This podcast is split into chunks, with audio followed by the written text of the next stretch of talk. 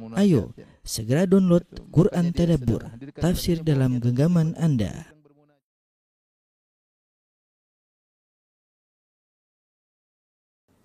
Bismillahirrahmanirrahim. Assalamualaikum warahmatullahi wabarakatuh. Alhamdulillahi ala ihsanihi wa syukru lahu ala taufiqihi wa amtinanihi wa asyhadu an la ilaha illallah wahdahu la syarika lahu ta'ziman li sya'ni wa asyhadu anna Muhammadan abduhu wa rasuluhu da'ila ridwani Allahumma salli alaihi wa ala alihi wa ashabihi wa ikhwani.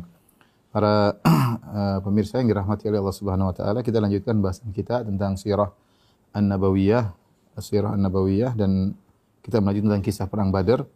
Uh, pada kesempatan kali ini kita akan membahas tentang bagaimana tewasnya para gembong-gembong kesyirikan dari kaum Quraisy ya, di antaranya adalah Umayyah bin Khalaf dan di antaranya adalah uh, Abu Jahal ya. Adapun Umayyah bin Khalaf Umayyah bin Khalaf ya uh, Al-Jumahi adalah uh, majikannya Bilal. Dialah yang pernah menyiksa Bilal.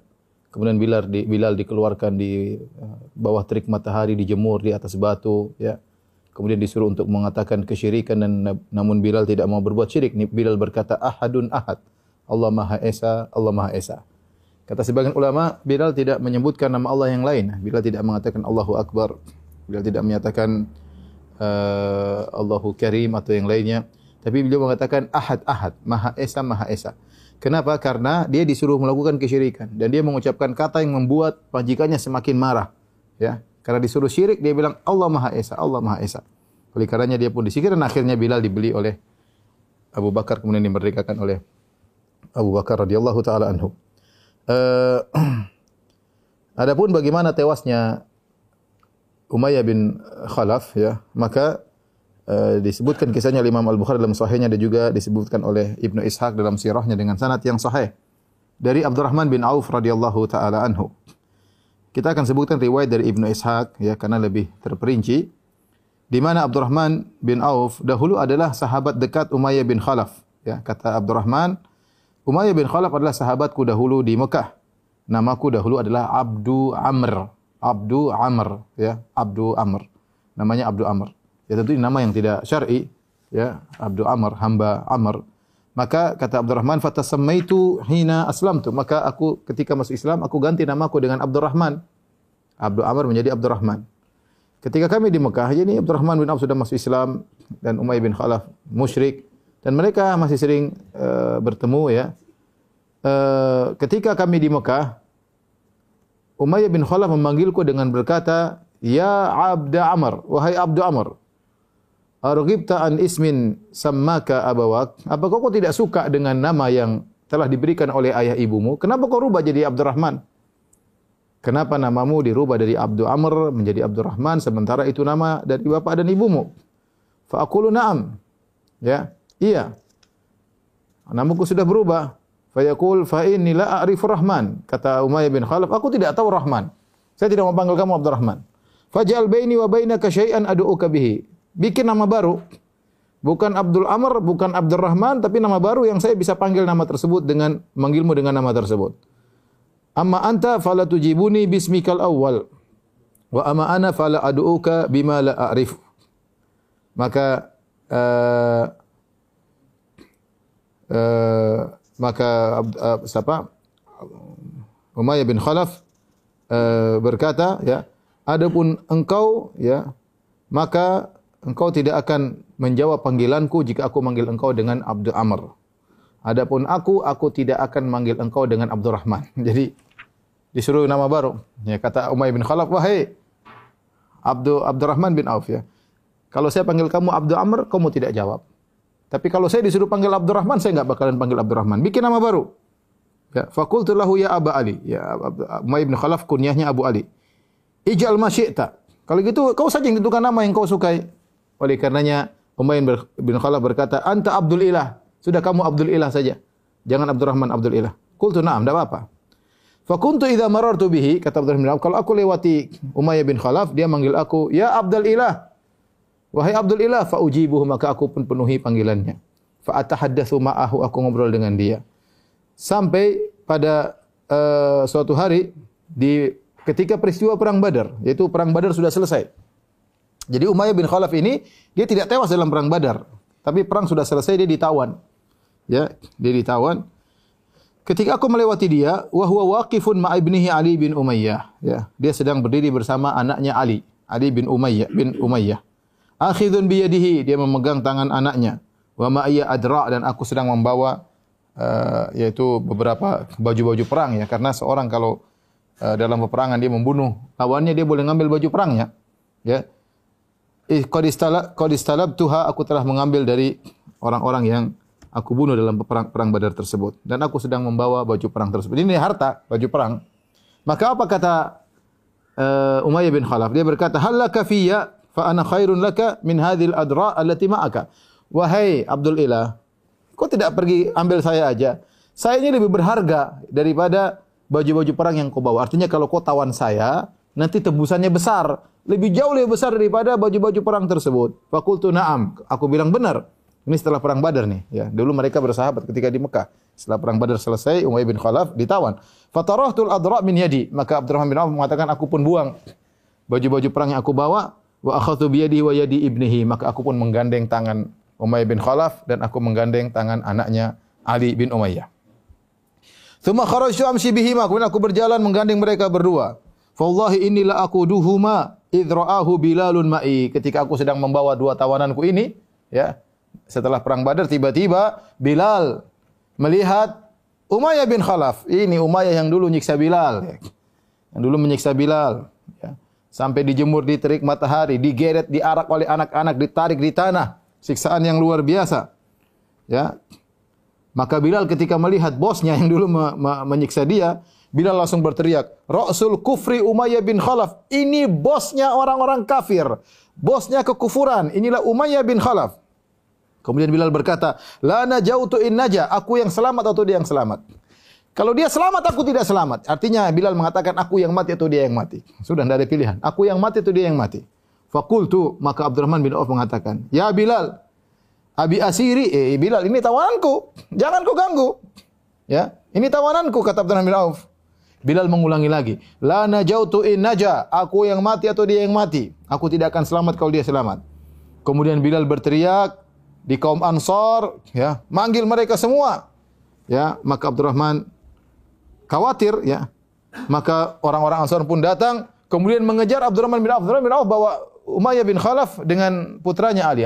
Ternyata Umayyah bin Khalaf orangnya gemuk. Ya, maka dia menyelamatkan kedua-duanya ini tawanan supaya dapat tebusan nanti. Ternyata tatkala mereka mulai mengejar, Abdurrahman tidak bisa bawa lari keduanya, maka dia tinggalkan Ali, putranya Umayyah. Maka dia bawa Umayyah. Akhirnya mereka bunuh Ali. Thumma abau hatta yabtaghu yabtaghuna hatta yatba'una. Akhirnya mereka kejar terus, akhirnya mereka nyusul. Kata Abdurrahman bin Auf, "Wa kana Umayyah rajulan thaqilan." Umayyah bin Khalaf adalah orang yang besar badannya. Falamma adrakuna, tatkala mereka mendapati kami, aku berkata kepada Abdurrahman eh, kepada Umayyah bin Khalaf, "Ubruk, tunduk, tunduk." Fabaraka, dia pun tunduk. Fa alqaitu alaihi nafsi li amna'ahu maka aku pun melemparkan diriku agar menahan jangan sampai dia celaka. Fatajallaluhu maka mereka pun masukkan pedang dari bawah. Bisuyuf min tahti hatta akhirnya ditikam oleh orang-orang Ansar bahkan salah seorang dari mereka kemudian mengenai pedangnya mengenai kakiku ya. Inilah Abdurrahman bin Auf mengkisahkan bagaimana tewasnya ya. Uh, Umayyah bin Khalaf. Akhirnya Abdurrahman bin Auf tidak dapat adro tadi, ya tidak dapat baju perang, kemudian tawanan juga tidak dia dapatkan ya. Semuanya dengan sebab Bilal yang kemudian membunuh Umayyah bin Khalaf. Inilah tewasnya orang yang sombong yang angkuh yang pernah menyiksa Bilal, Umayyah bin Khalaf. Dia tewas setelah terjadi perang Badar. Taib, kemudian kisah tewasnya Ubaidah bin Sa'id bin Al-As. Ubaidah bin Sa'id bin Al-As, Al-Imam Al-Bukhari menyebutkan tentang kisah tewasnya tewasnya Ubaidah bin Sa'id bin Al-As yang dibunuh oleh Zubair bin Al-Awwam. Kata Zubair bin Al-Awwam, salah seorang ya, sahabat mulia radhiyallahu anhu beliau berkata, "Laqitu yaum Badrin Ubaidah bin Sa'id bin Al-As." Ketika perang Badar aku bertemu dengan Ubaidah bin Sa'id bin Al-As. Wa huwa mudajjajun dan dia pakai pakaian perang lengkap semua tertutup. Ini orang kaya, semuanya lengkap. Tidak ada besi yang bisa menembus badannya. Semua bajunya lengkap tertutup full kecuali matanya terbuka. Kecuali matanya terbuka. Ya. La yura minhu ainahu. Semua tertutup badannya. Gimana mau perang dengan orang seperti ini? Bagaimana mau tikam? Tikam kena semua enggak kena. Ya, semuanya tertutup semua, lehernya, bajunya, mukanya semua semua terus mau perang bagaimana orang ini? Yang terbuka cuma matanya. Berat melawan orang seperti ini. Wa huwa yukan yukna abadatil kirsh. Dia di kunyahnya Abu Dzatil Kirsh. Maka dia berkata dengan sombongnya, "Ana Abu Dzatil Kirsh, aku adalah Abu Dzatil Kirsh." Maka kemudian Zubair bin Awan pergi menuju dia, fahamaltu alaihi bil anazah, fata'antuhu fi ainaihi famata. Maka aku pun maju menuju uh, Ubaidah. Lantas aku menembakkan atau menusukkan anaz anaz itu tongkat ya. Tongkat ujungnya tombak semacam tombak. Maka masuk ke matanya. Kedua matanya famata. Akhirnya mati gara-gara subhanallah jago sekali Zubair bin Awam. Dia bisa tombak langsung masuk ke mata orang tersebut kemudian tewas gara-gara uh, tikaman ke mata tersebut apa kata Zubair? Laqad wada'tu rijli alaihi. Aku setelah membunuh dia, ya. Kemudian aku mau ngeluarin apa namanya? Uh, tombak tersebut dari matanya susah ya. Sampai kata uh, Zubair bin Awam, "Tsumma tamattaitu atau tamatta'tu kemudian ya aku meletakkan kakiku di badannya kemudian aku injak kemudian aku tarik. Fakana al-jahdu an anna naz an-naz'atuha wa qad insana. Aku cabut dengan susah payah akhirnya kecabut sementara kedua ujung tombak sudah agak membengkok. Ya. Ini kisah terbunuhnya, terbunuhnya Ubaidah bin Sa'id bin As dan juga menunjukkan bagaimana hebatnya Zubair bin Awam radhiyallahu taala anhu. Kita sampai pada kisah yang kita nanti-nanti bagaimana tewasnya Abu Jahal ya. Abu Jahal yang dikenal dengan Fir'aun hadhil ummah, Fir'aunnya umat ini ya. Ini paling parah ya. Paling parah. Dahulu dia di dia diberi julukan oleh kaumnya Abul Hakam. Abul Hakam Al-Hakam maksudnya dia orang bijak, orang cerdas. Kalau ada masalah datang kepada dia urusan selesai, permasalahan selesai, maka dia diberi julukan dengan Abul Hakam. Tetapi Nabi panggil dia Abu Jahal, si goblok ya. Jadi kaumnya manggil dia si pinter, si bijak, Nabi panggil dia apa? Si goblok, Abu Jahal ya. Tapi bagaimana tewasnya Abu Jahal? Al-Imam Al-Bukhari dan Muslim meriwayatkan dari Abdurrahman bin Auf. Abdurrahman bin Auf yang meriwayatkan ya. Qala baina ana waqifun fi saffi yaum Badr. Tatkala aku sedang uh, berdiri dalam saf dalam peperangan ketika perang Badar, fa nadhartu an yamini wa shimali. Aku lihat ke arah kananku, ke arah kiriku. Fa idza ana baina gulamaini minal ansar. Tiba-tiba ada dua anak muda pemuda Ansar. Hadithatun asnanuhuma, masih remaja-remaja. Sebelah kanan, sebelah kiri. Tamannaitu an akuna baina adla huma. Aku berangan-angan yang di samping kanan kiriku dua orang lebih hebat daripada dua anak Ansor ini. Ini masih remaja-remaja. Kanan kiri Abdurrahman bin Auf.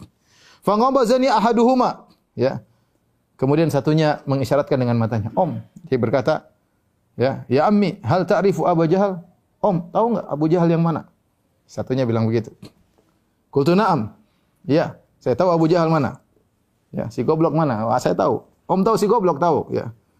Ma hajatuka ilaihi ya bin akhi? Apa urusanmu dengan uh, Abu Jahal wahai anak saudaraku? Apa kata pemuda ini? Qala ukhbirtu annahu yasubbu Rasulullah sallallahu alaihi wasallam. Aku dikabarkan itu si goblok Abu Jahal mencaci maki Rasulullah sallallahu alaihi wasallam. Walladhi nafsi biyadihi la in ra'aituhu la yurfariku sawadi sawadahu. Demi Allah kalau aku ketemu dengan dia, aku akan nempel, aku tidak akan lepas dari dia hatta yamutu hatta yamutal ajalu minna sampai siapa di duluan mati antara aku dengan dia. Ini sudah dia janji demi Allah. Pokoknya kalau saya ketemu langsung nempel. Tidak akan lepas kecuali saya mati dulu atau dia mati dulu. Luar biasa anak remaja ngomong demikian. Kalau Abdurrahman, Abdurrahman bin Auf mendengar perkataan remaja ini dia berkata, "Fata ajabtu lidzalik." Aku kagum, kaget dengan perkataannya. Luar biasa anak ini. Faghamazanil akhar, ternyata satu lagi bertanya. Faqala li mithlaha. Dia ngomong sama, "Om, Kenal enggak Abu Jahal? Kenal enggak si goblok? Falam anshab an nazartu ila Abi Jahal. Ya. Tidak lama kemudian, ya. Tiba-tiba aku lihat Abu Jahal lewat, si goblok lewat. Ya julu bainan nas, bos, jalan. Berputar-putar ya di antara pasukan kaum musyrikin. Maka aku berkata kepada dua anak muda ini, "Ala taroyan, kamu lihat itu si fulan itu, si fulan. Hadza sahibukum alladhi tas'alani anhu." Itu si goblok yang kalian berdua cari-cari, si Abu Jahal. Fabtadarahu, maka mereka berdua langsung pergi menuju kepada Abu Jahal. Fadarabahu, kemudian keduanya menyerang bisayfihima. Kemudian dua-duanya menikam Abu Jahal hatta qatalahu sampai kedua anak muda tersebut membunuh Abu Jahal. Thumman sarafa ila Rasulillah sallallahu alaihi wasallam fa. Kemudian setelah mereka bunuh Abu Jahal, mereka lapor kepada Nabi ya Rasulullah kami telah bunuh Abu Jahal. Kemudian Nabi bertanya, "Ayukuma qatalahu?" Siapa di antara kalian yang bunuh Abu Jahal? Siapa? Kamu atau kamu? Anak muda ini. Faqala kullu wahidin minhuma ana qataltu. Masing-masing bilang, "Saya yang bunuh dia ya Rasulullah." Saya yang bunuh dia. Masing-masing ngaku. Kata Nabi sallallahu alaihi wasallam, "Hal masahtuma sayfaikuma? Apa kalian sudah menghilangkan bekas darah dari pedang kalian berdua?" Kata mereka berdua, "Tidak ya Rasulullah." Fanadhara fi sayfain. Nabi lihat pedang kedua anak muda tersebut. Kata Nabi, "Kilakuma qatalahu." Kalian berdua telah membunuh Abu Jahal. Akhirnya, kenapa harus diketahui siapa yang bunuh? Agar diambil salapnya itu apa yang dipakai. Jadi kalau dalam peperangan ada prajurit membunuh prajurit kafir, maka semua yang dia pakai boleh diambil. Mungkin dia bawa pedang emas, ya mungkin dia pakai baju baju uh, perang yang hebat, mungkin dia pakai helm yang bagus, maka boleh diambil. Namun kata tatkala kedua-duanya uh, telah membunuh Abu Jahal, maka dua-duanya mendapatkan uh, harta yang ada pada tubuh uh, orang yang dibunuh tersebut. Siapakah kedua pemuda tersebut? Namanya adalah Mu'adz bin Afra ya. Dan Mu'adz bin Amr bin Jamuh ya. Mu'adz bin Afra ya radhiyallahu taala anhuma. Kemudian wa Mu'adz bin Amr bin Jamuh. Amr bin Jamuh uh, seorang sahabat yang akan meninggal di dalam perang Uhud nanti akan kita sampaikan ceritanya dia punya anak-anak hebat semua ikut dalam peperangan ya di antaranya anak yang hebat namanya Muad jadi dua-dua namanya Muad Mu'adz bin Afra dan Mu'adz bin Amr. Uh, taib. Dan Ibnu Ishaq meriwayatkan dengan sanad yang hasan dari Mu'adz bin Amr bin Jamuh, ya. Dia cerita sendiri tentang bagaimana dia membunuh membunuh Abu Jahal. Tidak gampang. Ternyata kisahnya tidak seenak yang kita dengar tadi datang kemudian bunuh selesai. Enggak. Ceritanya berat. Apa kata Mu'ad bin Amr bin Jamuh, salah satu dari dua pemuda tersebut? Dia berkata, Sami'tul qaum wa Abu Jahal fi mithlil harajah. Aku melihat, aku mendengar bagaimana pasukan kaum Quraisy. Wa Abu Jahal fi mithlil harajah. Dan Abu Jahal seperti di tengah-tengah diliputi seperti pohon yang susah untuk di, di, di, dicapai karena begitu banyak pohon-pohon yang, yang mengelilinginya mungkin banyak apa duri-duri yang mengelilinginya. Jadi untuk sampai ke Abu Jahal itu susah. Si goblok ini di, di, di pasukannya banyak ya, ini bos ini. Semua dipasuki di, di dikelilingi oleh pasukan-pasukan. Untuk sampai kepada dia sangat susah. Wahum yakulun, aku mendengar mereka ngomong, Abul Hakam la yukhlasu ilaihi. Si Abul Hakam, Abul Hakam itu nama nama orang-orang Quraisy menamakan dia Abul Hakam, si bijak pimpinan mereka. Nabi yang menamakan Abu Jahal. Abul Hakam ini yaitu Abu Jahal la yukhlasu ilaihi, tidak ada yang bisa sampai kepada dia. Qala Falamma sami'tuha ja'altuhu min sya'ni. Tatkala saya mendengar mereka mengatakan demikian, aku semakin semangat untuk bunuh Abu Jahal. Fasamattu nahwahu. Aku pun maju menuju kepada Abu Jahal. Falamma amkanani hamil hamaltu alaihi. Tatkala aku sudah pada posisi yang tepat, mungkin karena dia muda, kecil dia mudah masuk. Begitu aku sudah sampai pada posisi yang tepat, fadarabtuhu darbatan atanta qadamahu binisfi saqihi. Maka aku pukul dengan pedangku dengan kuat Begitu aku potong, kemudian kakinya setengah betisnya putus. Terbang ke atas. Masya Allah. Ya. Muncrat darahnya ya. Putus, bukan bukan setengah salah. Putus, putus. Jadi kakinya yang kena. Luar biasa yang dilakukan oleh Mu'adz bin Amr bin Al-Jamuh. Ya. Kemudian ketika aku memukul, memotong, memotong kaki Abu Jahal, apa kata Mu'ad bin Amr bin Jamuh, fadarabani Ikrimatu ibnuhu ala atiqi. Ternyata anaknya Abu Jahal di situ, Ikrimah bin Abu Jahal nanti akan masuk Islam. Ikrimah bin Abu Jahal radhiyallahu anhu ketika itu masih kafir. Lihat bapaknya dipotong kakinya, dia langsung angkat pedang dan dia potong eh, pundakku. Fataraha yadi, maka tanganku putus. Ternyata Mu'ad bin, bin Amr bin Jamuh ketika habis mukul Abu Jahal tangannya juga kena.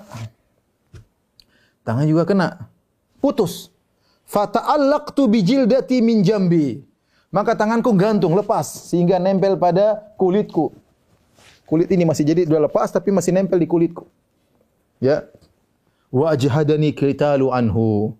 Dan ini membuat aku ya repot untuk uh, berperang.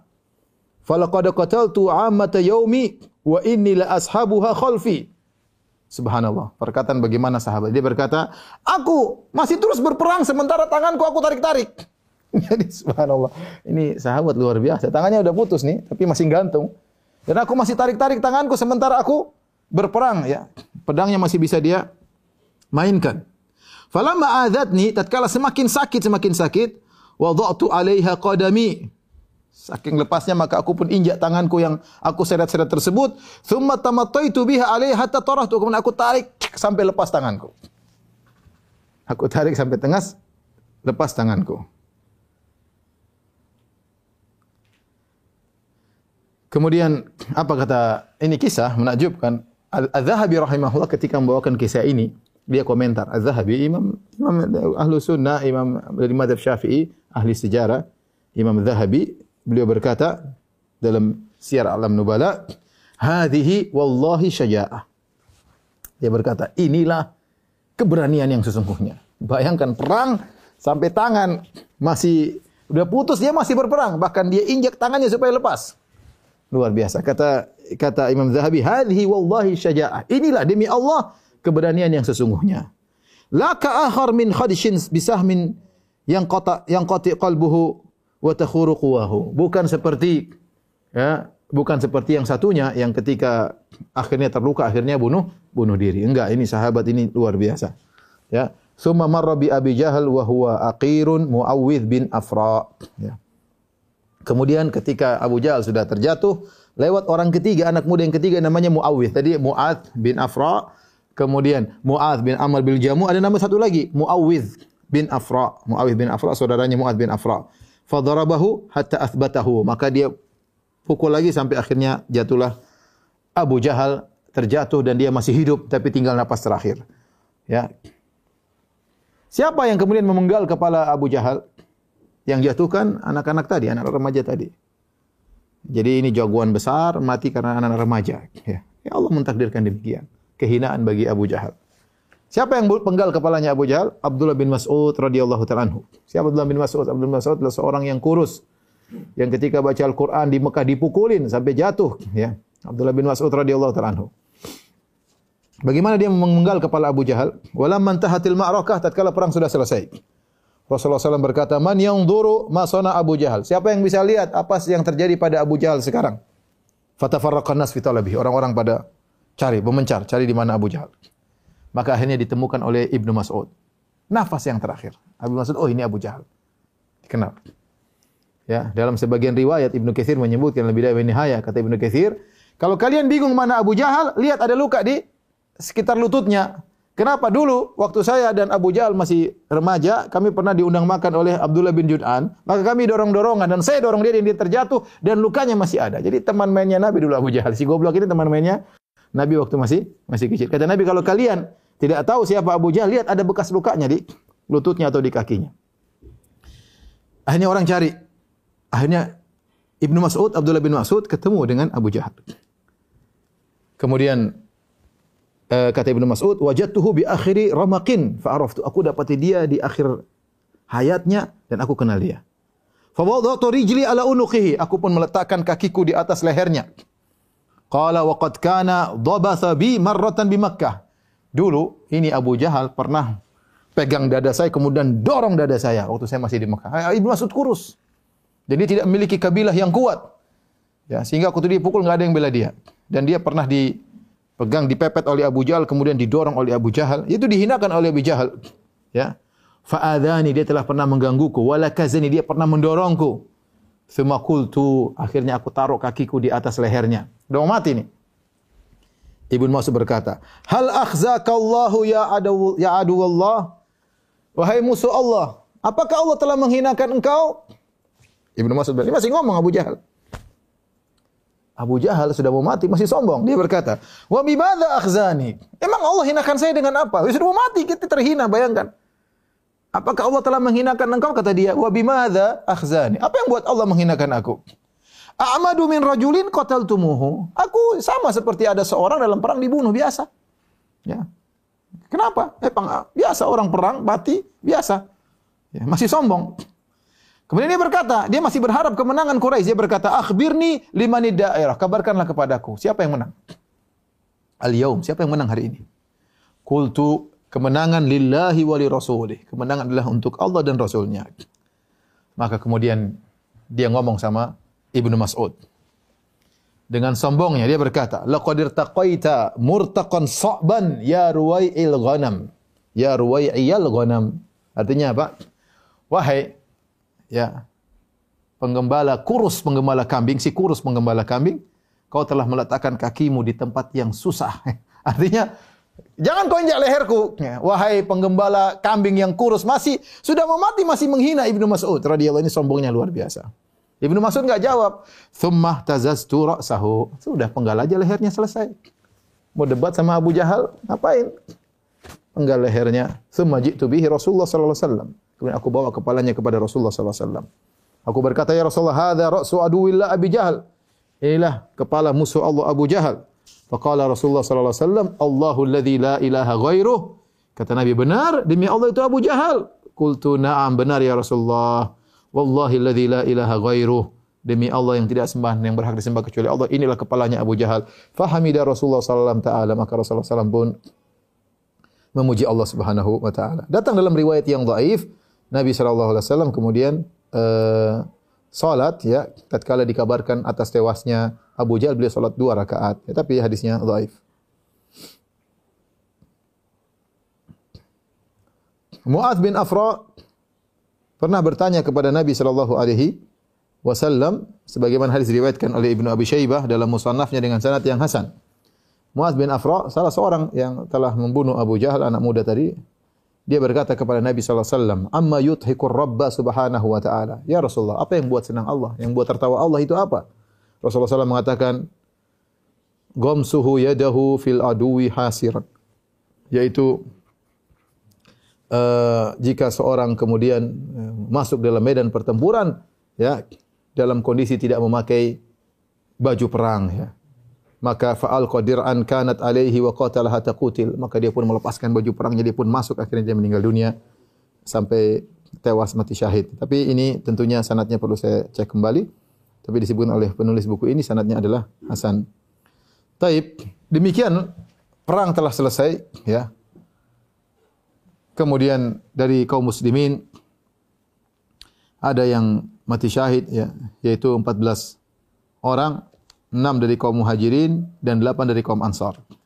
Adapun kaum musyrikin yang mereka kalah dan mereka lari, lari kocar kacir, maka mereka telah mengalami kerugian yang sangat besar. Yaitu tewas dari mereka 70 orang dan 70 orang tersebut adalah bos-bos mereka, yaitu pembesar-pembesar Quraisy. Dan 70 orang lagi ditawan, 70 orang lagi ditawan. Jadi 140, 70 tewas, 70 di ditawan. Dan ini adalah ada khilaf memang berapa jumlah mereka namun ini yang benar bahwasanya sebagian disebut oleh Ibnu Ibnu Ibnu, uh, Ibnu Hajar dalam Fathul Bari sebagaimana firman Allah Subhanahu wa taala awalamma asabatkum musibatun qad asabtum mithlaiha dan apakah tatkala kalian ditimpa dengan musibah sementara kalian telah uh, menimpakan musibah dua kali daripada itu artinya tatkala di perang Uhud kaum muslimin meninggal 72 orang Allah mengatakan kalian terkena musibah di perang Uhud meninggal 72 orang sementara di perang Badar kalian telah menimpakan musuh dua kali lipat 70 70 orang meninggal dan 70 orang kalian kalian tawan. Jadi yang yang benar inilah jumlah uh, kaum musyrikin yang tewas 70 dan tawan 70 orang. Di antaranya tadi telah kita sebutkan tokoh-tokohnya adalah Abu Jahal, Umayyah bin Khalaf, kemudian Utbah uh, bin Rabi'ah, ya, Al-Walid bin Utbah dan yang lainnya. Nanti akan kita sebutkan sebagai nama-nama mereka. Setelah mereka tewas, ya, maka Nabi Shallallahu alaihi wasallam menyuruh sekitar 24 pemimpin Quraisy untuk dilemparkan dalam sumur. Ada sumur-sumur kosong di Badar ya. Kemudian dilemparkan situ dimasukkan mayat-mayat pembesar-pembesar Quraisy tersebut. Uh, Nabi menyuruh mereka semua dimasukkan. Semua pembesar-pembesar tersebut Abu Jahal dan teman-temannya dimasukkan dalam sumur-sumur tersebut kecuali Umayyah bin Khalaf. Umayyah bin Khalaf tadi disebut badannya besar. Ya. ketika dia sudah tewas badannya agak mengembang ya. sehingga penuh uh, baju besinya dipenuhi dengan dengan badannya tersebut. Fadhahabu liyahrikuhu, maka mereka ingin melepaskan dia dari baju besinya ternyata enggak bisa. Ternyata bajunya badannya preteli, lepas ya. Maka akhirnya mereka tidak bisa memasukkan ke dalam sumur saking besarnya. Akhirnya dia pun dilemparkan di sebuah tempat, kemudian dilemparkan tutup dengan pasir-pasir dan batu-batu. Ya. Uh, kemudian ditinggalkan. tatkala orang-orang kafir, pembesar-pembesar Quraisy dilemparkan dalam sumur-sumur, maka di antaranya adalah Utbah bin Rabi'ah. Ubat Utbah bin Rabi'ah, bapaknya Abu Hudzaifah. Abu Hudzaifah ya, ikut dalam pasukan kaum muslimin. Sementara Utbah bin Rabi'ah adalah tokoh Quraisy yang awal-awal tewas dalam pertempuran tiga lawan tiga ya. Di awal sudah kita jelaskan.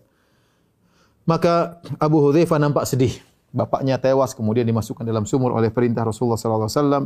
Maka Rasulullah SAW melihat dia dalam kondisi sedih, terlihat berubah rona wajahnya, ya, nampak kesedihan. Dan Rasulullah SAW adalah seorang yang sangat penyayang, lagi maha, lagi pengasih, lagi perhatian. Maka Rasulullah berkata, Ya Abu Hudzaifah, wahai Abu Hudzaifah, la'allaka qad dakhala dakhalaka min sya'ni abika syai'un. Sepertinya engkau sedih karena apa yang menimpa ayahmu. Ayahmu mati kemudian dalam perang Badar dimasukkan dalam uh, qalibul Badar yaitu dalam uh, sumur Faqala la kata dia tidak bukan karena itu ya Rasulullah. Wallahi ya Rasulullah, ma syakaktu fillah. Demi Allah ya Rasulullah aku tidak ragu tentang Allah Subhanahu wa taala. Wala fi Rasulillah dan aku tidak pernah ragu dengan keputusan Rasulullah sallallahu walakinni walakinnani kuntu a'rifu min abi ra'yan wal hilman. Tapi saya tu tahu dulu bapak aku itu adalah orang yang cerdas dan orang yang bijak. Wa fadlan dan dia orang yang mulia. Fa kuntu arju an yahdiyahu Dzalika ilal Islam. Saya dulu berharap karena kecerdasannya, kebijakannya dia sudah tua, akan mengantarkan dia kepada Islam. Falamma ra'aitu ma asabahu wa dzakartu ma mata alaihi minal kufri, ba'da alladhi kuntu arju lahu ahzanani dzalik. Setelah saya melihat apa yang menimpanya, dia tewas dalam kondisi kafir. Sementara aku dulu berharap dia masuk Islam, ini membuat aku sedih. Maka Rasulullah SAW pun mendoakan kebaikan bagi Abu Hudzaifah. Ya. Dan ini benar bahwasanya bapaknya Utbah bin Rabi'ah ini adalah seorang yang mulia ketika Nabi masih di Mekah ini sudah pernah kita sampaikan. Ketika Nabi pernah pernah di Mekah, kemudian orang Quraisy datang kepada Utbah, "Wahai Utbah, coba kau debat sama Muhammad." Maka dia pun datang kepada Rasulullah SAW ingin mendengarkan apa yang disampaikan oleh Rasulullah. Maka dia takjub dengan Rasulullah baca Al-Quran. Maka dia pun takjub. Akhirnya dia sampai pulang kepada orang-orang Quraisy dia mengatakan sudahlah kalian beriman dengan dia dengan Muhammad ini. Kalau kalian beriman dengan dia kemudian Islam jaya akan memuliakan orang Quraisy. Tapi akhirnya mereka mencela Utbah. Artinya dia otaknya cerdas sebenarnya. Dia tahu ini kebenaran. Tapi dia terbawa dengan komunitas yang ada. Komunitasnya musyrikin semua Abu Jahal dan teman-teman. Demikian juga ketika mau terjadi peperangan, dia sebelum perang Badar dia yang mengatakan, "Wahai kaum kaum Quraisy, pulanglah sudah, enggak usah, enggak usah perang." Bilang bilanglah aku ini pengecut dan penakut, enggak usah perang. Percuma kita perang nanti kita sama saudara. Kalau ada yang mati di antara mereka pasti ada yang mati di antara kita. Namun dia pun dimaki-maki oleh Abu Jahal. Akhirnya dia terbawa lagi oleh komunitas. Terbawa dengan apa namanya aliran ya, masyarakat tatkala itu kaumnya. Akhirnya dia pun malah pertama kali tewas dalam perang perang Badar. Ya demikian. Percuma seorang kecerdasan tapi akhirnya tidak bisa memiliki uh, apa jati diri akhirnya terbawa dan terbawa dan terbawa kecerdasan tidak bermanfaat ya kebijakan dia tidak bermanfaat. Setelah itu Rasulullah SAW bersama para sahabat menetapi Badar selama tiga hari tiga malam. Ini kebiasaan mereka dahulu, kebiasaan orang-orang Arab dahulu kalau sudah perang, mereka tidak langsung pergi meninggalkan lokasi peperangan. Menetap tiga hari tiga malam. Supaya menunjukkan bahwasanya mereka menang. Ya. Maka Nabi SAW pun bersama para sahabat menetap di Badar. Ya. Ketika sampai pada hari ketiga, Nabi memerintahkan agar uh, tunggangannya yaitu ontanya untuk disiapkan, disiapkan pelananya dan segalanya ya. Kemudian Rasulullah SAW berjalan diikuti oleh para sahabat ya. Kami menyangka dia berjalan karena ada keperluan tertentu. Ternyata Rasulullah SAW berjalan menuju ke mulut sumur tempat sumur-sumur dibuang pasukan-pasukan Quraisy, pembesar-besar Quraisy. Kemudian Nabi memanggil mereka dengan nama-nama mereka dan juga nama bapak mereka. Kata Nabi, "Ya fulan bin fulan." Wa fulan bin fulan. Wahai fulan bin fulan, wahai fulan bin fulan, ayasurrukum annakum ata'tumullaha wa rasulah. Bukankah menyenangkan kalian seandainya kalian taat kepada Allah dan Rasulnya? Tidak akan seperti ini. Fa inna qad wajadna ma wa'adana rabbuna haqqan. Kami telah mendapati janji Rabb kami kepada kami telah menjadi kenyataan. Fa hal wajadtum ma wa'ada rabbukum haqqan? Apa kalian telah mendapatkan janji yang Allah janjikan kepada kalian? Janji keburukan kalian akan disiksa.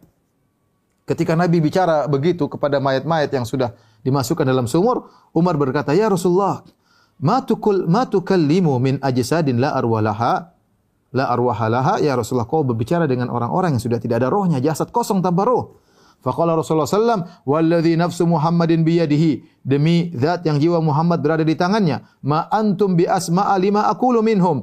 Kalian tidak lebih mendengar daripada mereka terhadap apa yang aku ucapkan. Dan mereka juga dengar, kalian juga dengar. Kota ada rahimahullah bin Da'am As-Sadusi ketika mengomentari hadis ini dia berkata, "Ahyahumullahu hatta asma'ahum qaulahu." Ketika Nabi bicara dengan mereka, Allah berikan ruh mereka agar mereka mendengarkan perkataan Nabi SAW taubihan wa tasghiran agar mereka semakin terhina, semakin rendah, wa naqimatan wa hasratan wa nadam wa nadaman agar mereka merasakan siksaan dan mereka semakin menyesal ya tatkala mendengar perkataan Nabi alaihi wasallam mengatakan seandainya kalian dulu taat kepada Allah Rasulnya kalian tidak akan begini. Dalam riwayat Imam Muslim dalam sahihnya dan juga dalam Musnad Imam Ahmad dari Anas Rasulullah SAW berkata menyebut nama mereka. Kata Rasulullah, "Ya Aba Jahal, bin Hisham, wahai Abu Jahal bin Hisham. Ya Utbah bin Rabi'ah, wahai Utbah bin Rabi'ah. Ya Syaibah bin Rabi'ah. Ya Umayyah bin Khalaf. Umayyah bin Khalaf, ah, majikannya Bilal. Hal wajadtu ma wa'ada rabbukum haqqa? Apa kalian telah mendapati janji Rabb kalian kepada kalian? Fa ini wajadtu ma wa'adani rabbi. Ya. Sungguhnya aku telah mendapati janji Rabbku kepadaku. Qalu ya Rasulullah, mereka berkata ya Rasulullah, tunadi qauman qad jayyafu. Ya Rasulullah, kau berbicara dengan kaum, kau berteriak kepada kaum yang sudah tidak ada nyawa mereka, maka Nabi berkata, "Ma antum bi asma'a lima aqulu minhum, walakinnahum la yastati'una an yujibu." Kalian tidak lebih mendengar apa yang aku ucapkan daripada mereka. Akan tetapi mereka tidak bisa menjawab uh, panggilanku. Akhirnya perang sudah selesai, orang-orang kafir Quraisy ya lari kocar-kacir, lari kocar-kacir. Maka dikatakan kepada Rasulullah, "Ya Rasulullah, kejar mereka ya Rasulullah." Tidak ada yang bisa menghalangi engkau untuk mengejar mereka. Maka Al-Abbas bin Abdul Muttalib, paman Nabi yang salah satunya, dia adalah di antara 70 yang ditawan karena dia dalam rombongan orang-orang Quraisy. Maka dia berkata, "La yasluh lahu." Ini tidak tidak benar ya, wahai Rasulullah, wahai ponakanku, tidak pas. Kenapa? Kata Rasulullah SAW, karena Allah telah menjanjikan engkau salah satu dari kedua ini, yaitu apakah uh, uh, dua ta'ifah, yaitu apakah yang peperangan atau al-air uh, uh, yang dibawa oleh Abu Sufyan ya, enggak usah di dikejar ya, cukup salah satunya. Kata Nabi sallallahu alaihi wasallam. Engkau benar. Taib. Orang-orang kafir Quraisy ya, kemudian mereka pulang dengan penuh rasa malu menuju Mekah. Bayangkan mereka pergi dengan sombongnya, Abu Jahal dengan sombongnya, dengan angkuhnya, seribu pasukan akan menghabisi 319 pasukan yang tidak berimbang kekuatannya, ternyata kalah. Ini memalukan. Pertama mereka jumlahnya lebih banyak. Yang kedua persenjataan mereka lebih lebih lengkap. Ya. Ternyata kalah. Terus yang mati bukan orang kecil yang mati bos-bosnya Abu Jahal dan teman-temannya. Maka ini membuat malu membuat malu mereka ya. Ketika mereka kabur mereka kocar-kacir, ada yang ke lembah-lembah, ada yang ke jalan-jalan di gunung ya. Namun mereka semua menuju ke kota kota Mekah dalam kondisi terhina. Mereka bingung bagaimana masuk ke kota Mekah. Malu, rasa malu apa yang harus mereka katakan kepada penduduk kota Mekah yang menantikan kemenangan mereka. Ternyata mereka kalah. Yang pertama kali datang ya, adalah namanya Haisuman bin Abdullah Al-Khuzai. Dia yang sampai ke Mekah dan dia mengabarkan tentang berita duka yang dialami oleh orang Quraisy. Maka mereka bertanya kepada dia, "Ma waro'aka? Apa yang telah terjadi? Ceritakan kepada kami apa beritanya? Bagaimana kisah perangnya?" Maka dia berkata, "Kutila Utbah bin Rabi'ah. Utbah bin Rabi'ah sudah terbunuh. Ini bos di, di Mekah. Orang orang top. Wa Syaibah bin Rabi'ah. Syaibah bin Rabi'ah juga tewas. Wa Abul Hakam bin Hisham. Abu Jahal juga tewas. Umayyah bin Khalaf juga tewas. Zam'ah bin Al-Aswad juga tewas. Nubaih wa Munabbi ibn Al-Hajjaj juga tewas. Abul Bakhtari bin Hisham juga tewas. Dia sebutkan si fulan, si fulan, si fulan, si fulan. Sofwan bin Umayyah lagi duduk. Siapa Sofwan bin Umayyah? Anaknya Umayyah bin Khalaf.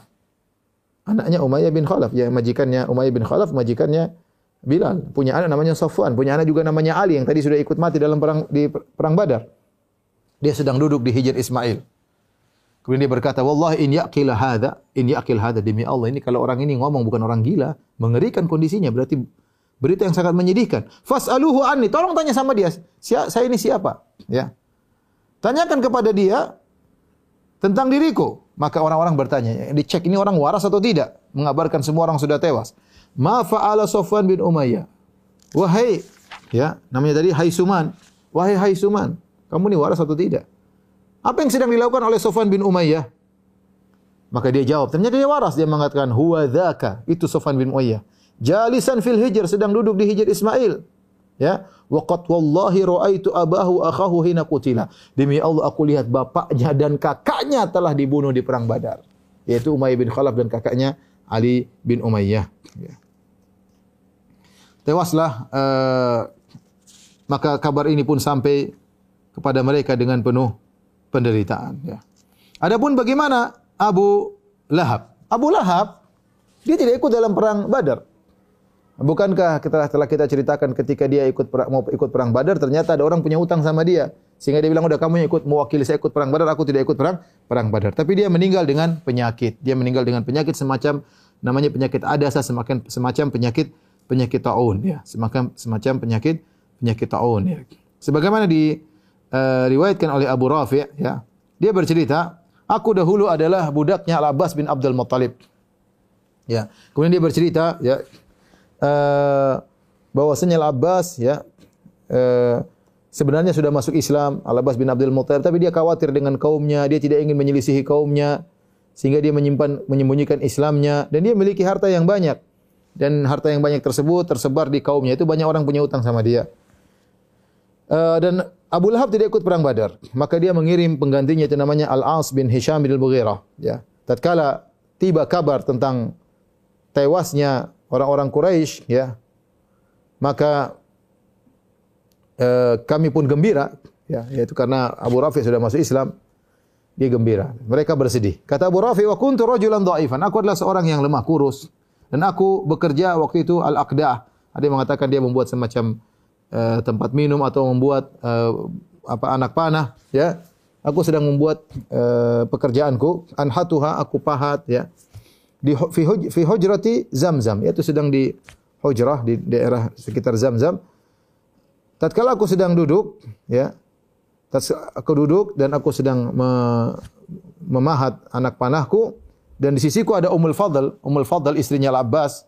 Al-Abbas bin Abdul Thalib sedang duduk kami gembira dengan mendengar kabar bahwasanya kaum muslimin menang tiba-tiba datang Abu Lahab Abu Lahab datang ya juru rijlaihi bisyar dan dia sambil geret-geret kakinya sampai dia pun uh, duduk di pojok hujrah ya. Kemudian belakang dia punggung dia di belakang punggungku. Tatkala dia sedang duduk tiba-tiba ya uh, Abu Sufyan bin Haris bin Abdul Muttalib telah datang. Kemudian dia berkata kepada Abu Lahab, "Haluma ilayya fa indaka la amri al khabar." Wahai Abu Lahab, pergilah kepadaku, sungguhnya ada khabar yang penting. Fajalasa ilayya, fajalasa ilaihi, ya, uh, Abu Lahab bilang sama dia, "Wahai uh, Sufyan, kemarilah. Wahai Abu Sufyan bin Haris bin Abdul Muttalib, kemarilah. Ya, sungguhnya ada kabar darimu." Akhirnya orang ini pun duduk di hadapan Abu Lahab. Dan orang-orang yang lain berdiri. Maka Abu Lahab berkata, "Akhbirni kaifa kana amrun nas?" Kabarkanlah kepadaku apa yang telah terjadi. Apa kata dia? Wallahi ma huwa illa an laqina al-qauma fanah famanahnahum aktafana yaqtulunana kaifa sya'u. Perkaranya sederhana. Kami pergi ke Badar, kami tinggal menyerahkan punggung kami, silakan dipenggal. Begitu ceritanya. Maka mereka pun memenggal, memotong punggung-punggung kami sesuka mereka. Wa imullahi ma'adzalika malum tunnas. Ya. Lakina rijalan bidhan. Namun aku tidak mencela orang-orang. Kami menemukan orang-orang yang ikut perang dalam perang tersebut yang berkulit putih, kemudian menaiki kuda antara langit dan bumi. Wallahi ma tuliku syai'an, tidak ada seorang pun yang bisa berhadapan dengannya. Ya. Abu Rafi ketika mendengar cerita tersebut, ya dia berkata, "Tilka wallahi malal al malaika." Itu yang kau lihat itu dalam perang Badar oleh malaikat. Abu Abu Lahab pun marah. Ini anak ini kok budak ini kok komentar. Maka dia pun menampar wajah Abu Rafi dengan tamparan yang sangat kuat, ya. Kemudian dia uh, aku pun melawan dia kemudian Abu Lahab kuat dipeganglah Abu Rafi karena dia kurus kemudian dibanting ya kemudian diduduki dadanya kemudian dia pukul Abu Rafi kata Abu Rafi wa kuntu rajulan dhaifan aku seorang laki yang lemah Ummul Fadl istrinya Abbas yang masih ada di samping marah kemudian dia mengambil kayu dia pukul kepalanya Abu Lahab dengan pukulan yang kuat sampai terlihat luka di kepala Abu Lahab. Kemudian dia berkata kepada Abu Lahab istad'aft istad'aftahu an ghaba anu sayyidu berani kau mukul ini budak sementara majikannya enggak ada. Ya suaminya lagi enggak ada. Akhirnya Abu Lahab pun pergi eh, dalam kondisi terhina.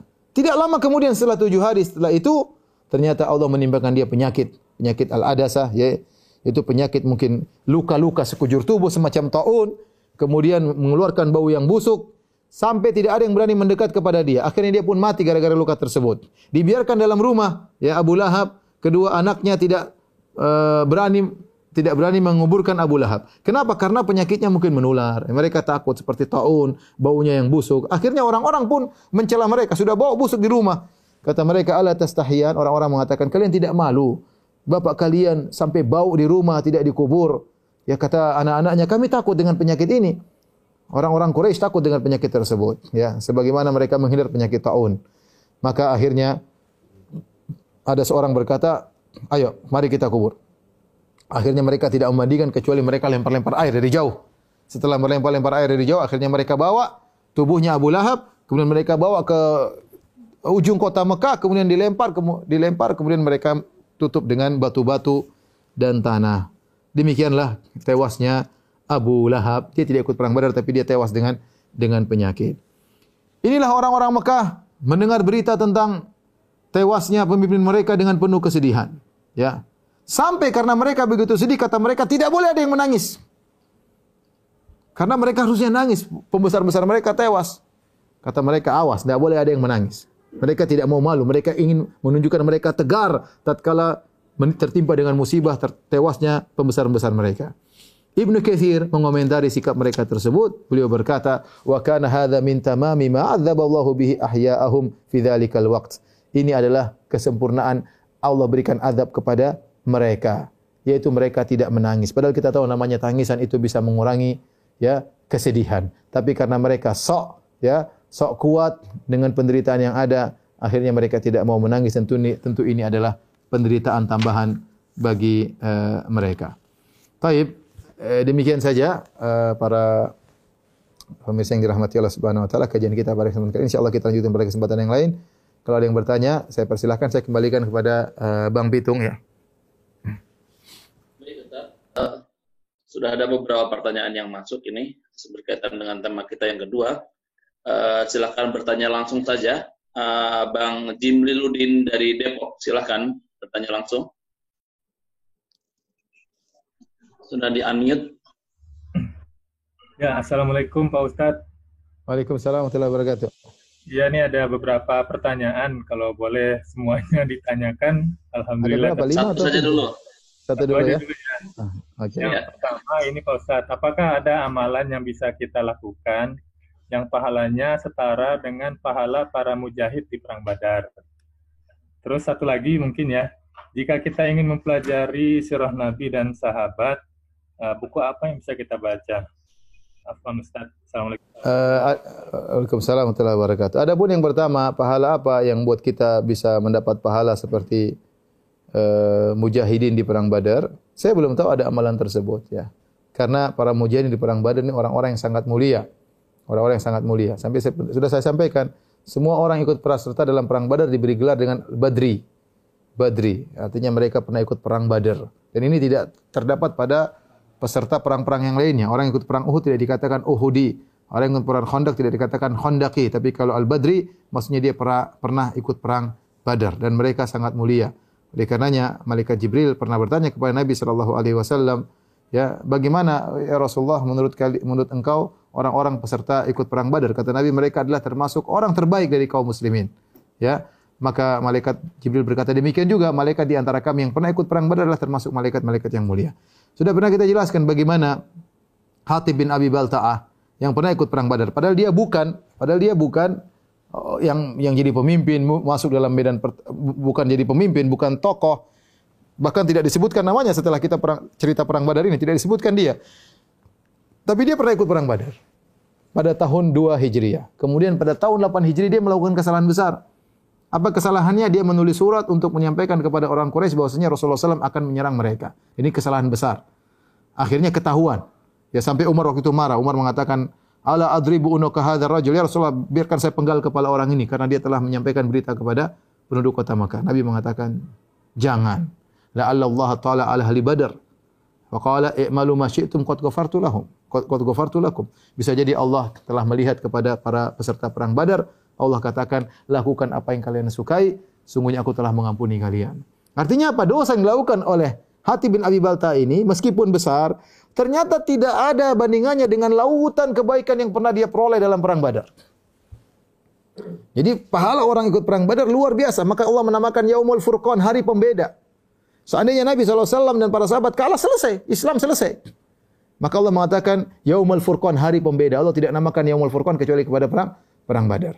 Lihatlah kisah seorang yang pernah kita sebutkan tentang yang dia meninggal pada pertemuan lalu gara-gara dia dia bukan ikut perang cuma jaga-jaga nadharat ngecek-ngecek saja tiba-tiba dia kena panah masuk lehernya meninggal dunia. Maka ibunya tanya, "Ya Rasulullah, bagaimana dengan anakku?" Karena dia tidak ikut perang, cuma jaga di lu, jaga di perbatasan atau jaga di sekitar peperangan. Kata Nabi, anakmu di surga Firdausil A'la. Bagaimana lagi dia yang ikut perang? Bagaimana lagi yang mati syahid dalam perang? Perang Badar dalam peperangan tersebut. Oleh karenanya, kalau pertanyaannya apakah ada amal yang bisa membuat kita meraih pahala seperti mereka? Saya belum tahu ada ya karena amalan mereka sangat luar luar biasa ya. Ini yang pertama. Yang kedua tadi tentang apa ya? Hah? Buku sirah, buku sirah eh, Allah alam yang bagus adalah bukunya eh, Rahikul Makhtum karya eh, Safiur Rahman Al Mubarak Furi sudah diterjemahkan. Atau juga yang ada sekarang baru namanya Fiqhus Sirah. Itu udah lumayan ya. Fiqhus Sirah eh, karya Dr. Zaid kalau tidak salah ya. Abdul Karim Abdul Karim Al Zaid kalau tidak salah sudah diterjemahkan Eh, namanya Fiqhus Sirah ya, bukan Fiqhus bukan Fiqhus Sirah Al-Ghazali, itu buku lama. Ada buku baru yang lebih tebal karangan seorang uh, doktor pengajar di kalau nggak salah di Jamiatul Imam Muhammad bin Saud di Riyadh ya. Eh, bagus bukunya dan saya sudah baca uh, uh, buku tersebut ya. Silakan ada pertanyaan berikutnya. Ya, selanjutnya pertanyaan dari Bapak Hartono lagi. Silakan Pak Hartono untuk bertanya langsung saja kepada Ustaz. Pertanyaannya bagus ini. Pak Hartono. Ya, syukron. Uh, Assalamualaikum Ustaz. Waalaikumsalam. Uh, Alhamdulillah ini dapat dua kesempatan malam ini. Uh, Ustaz, mohon penjelasan lebih rinci. Afwan kalau uh, episode sebelum-sebelumnya Anda nggak bisa ikut, barangkali sudah pernah dibahas, tapi pertanyaan Anda adalah uh, mohon penjelasan uh, di antara doa-doa yang dipanjatkan Rasulullah pada saat perang Badar yaitu yang artinya ya Allah jika engkau berkehendak engkau tidak akan disembah ya Allah jika pasukan yang kecil ini engkau binasakan pada hari ini engkau tidak akan disembah mohon penjelasannya tentang doa itu uh, para, uh, maksudnya itu kata Nabi SAW Allahumma anjis wa'adak Allahumma intahlik hadhil isabah falan tu'bat ya. ya artinya Rasulullah mengatakan itu Rasulullah kata para ulama saking merengek-rengeknya ya Sampai Rasulullah dalam hadis kita sebutkan pada pertemuan lalu, Nabi bersujud berkata, Ya Hayu Ya Qayyum. Ali bin Abi Thalib perang, balik lagi, Nabi masih sujud. Masih berkata, Ya Hayu Ya Qayyum. Terus berdoa, terus berdoa. Ya, Nabi berkata demikian karena Nabi tahu beliau adalah Nabi yang terakhir. Secara logikanya, kalau Nabi terakhir meninggal, pengikutnya tidak ada, maka selesai. Orang tidak akan menyembah Allah sebagaimana yang seharusnya. Maksud ulama menyatakan demikian. Sehingga Nabi sampai mengatakan demikian, Ya Allah, kalau kami binasa, ya kau tidak akan disembah ya. Bukan Nabi meragukan uh, kemampuan Allah tidak, tetapi Nabi jelaskan bahwasanya sebagaimana yang Allah telah ajarkan kepada Nabi, aku adalah nabi terakhir dan inilah pengikutku ya. Seandainya aku meninggal dunia maka selesai tidak ada nabi lagi. Maka Allah tidak akan disembah sebagaimana yang seharusnya. Itu maksudnya. Bukan Allah bukan Nabi meragukan ke kemampuan Allah Subhanahu wa taala. Ini di antara bentuk Nabi benar-benar eh, memohon kepada Allah sampai seakan-akan dalam tanda kutip seakan-akan maksa yang penting harus menang. Bagaimana caranya? Ya, sampai Nabi berdoa mengangkat kedua tangan sampai ridaknya jatuh sampai Abu Bakar. Abu Bakar juga berdoa tapi sudah selesai. Abu Bakar saya mengatakan cukup ya Rasulullah, cukup ya Rasulullah. Allah akan mengabulkan doamu. Tapi Nabi terus tidak berhenti. Sampai Abu Bakar angkat lagi selendangnya. Nabi juga tidak berhenti berdoa. Sampai turun firman Allah baru. Istastaghithuna rabbakum fastajaba lakum. Ya, tatkala kalian beristighatsah kepada Rabb kalian, maka Allah pun mengabulkan permohonan kalian. Tapi ada lagi yang bertanya? Ada perti, uh, pertanyaan titipan. Ini uh, nggak mau bertanya langsung. Apakah harta rampasan ghanimah dari perang Badar itu diambil ambil oleh para sahabat dan apakah harta rampasan ghanimah itu halal? Begitu satu pertanyaannya. Insya Allah kita akan sampaikan pada pertemuan berikutnya karena akan bicara tentang ghanimah. Kan belum selesai ya. Nanti jangan di depan masih banyak lagi, jangan tanya tentang masa depan. masa depan sirah nanti insya Allah pada waktunya. Nanti nggak seru kalau saya kasih bongkar rahasia sekarang, nanti nggak seru. Tunggu aja ya, insya Allah. Tapi ada lagi yang bertanya? Iya, iya, Iya, tunggu aja episodenya nanti. Uh, untuk pertanyaan di sesi kedua uh, sudah dibacakan semua, Ustaz. Tapi oh, iya, yang sesi pertama tadi masih banyak yang nunggu nih, Ustaz. Oh, begitu. Iya, ah, boleh, Ustaz. boleh. Dua pertanyaan tidak jadi masalah. Silakan. Iya, Ustaz. Akan saya bacakan. Uh, pertama, uh, Ustaz.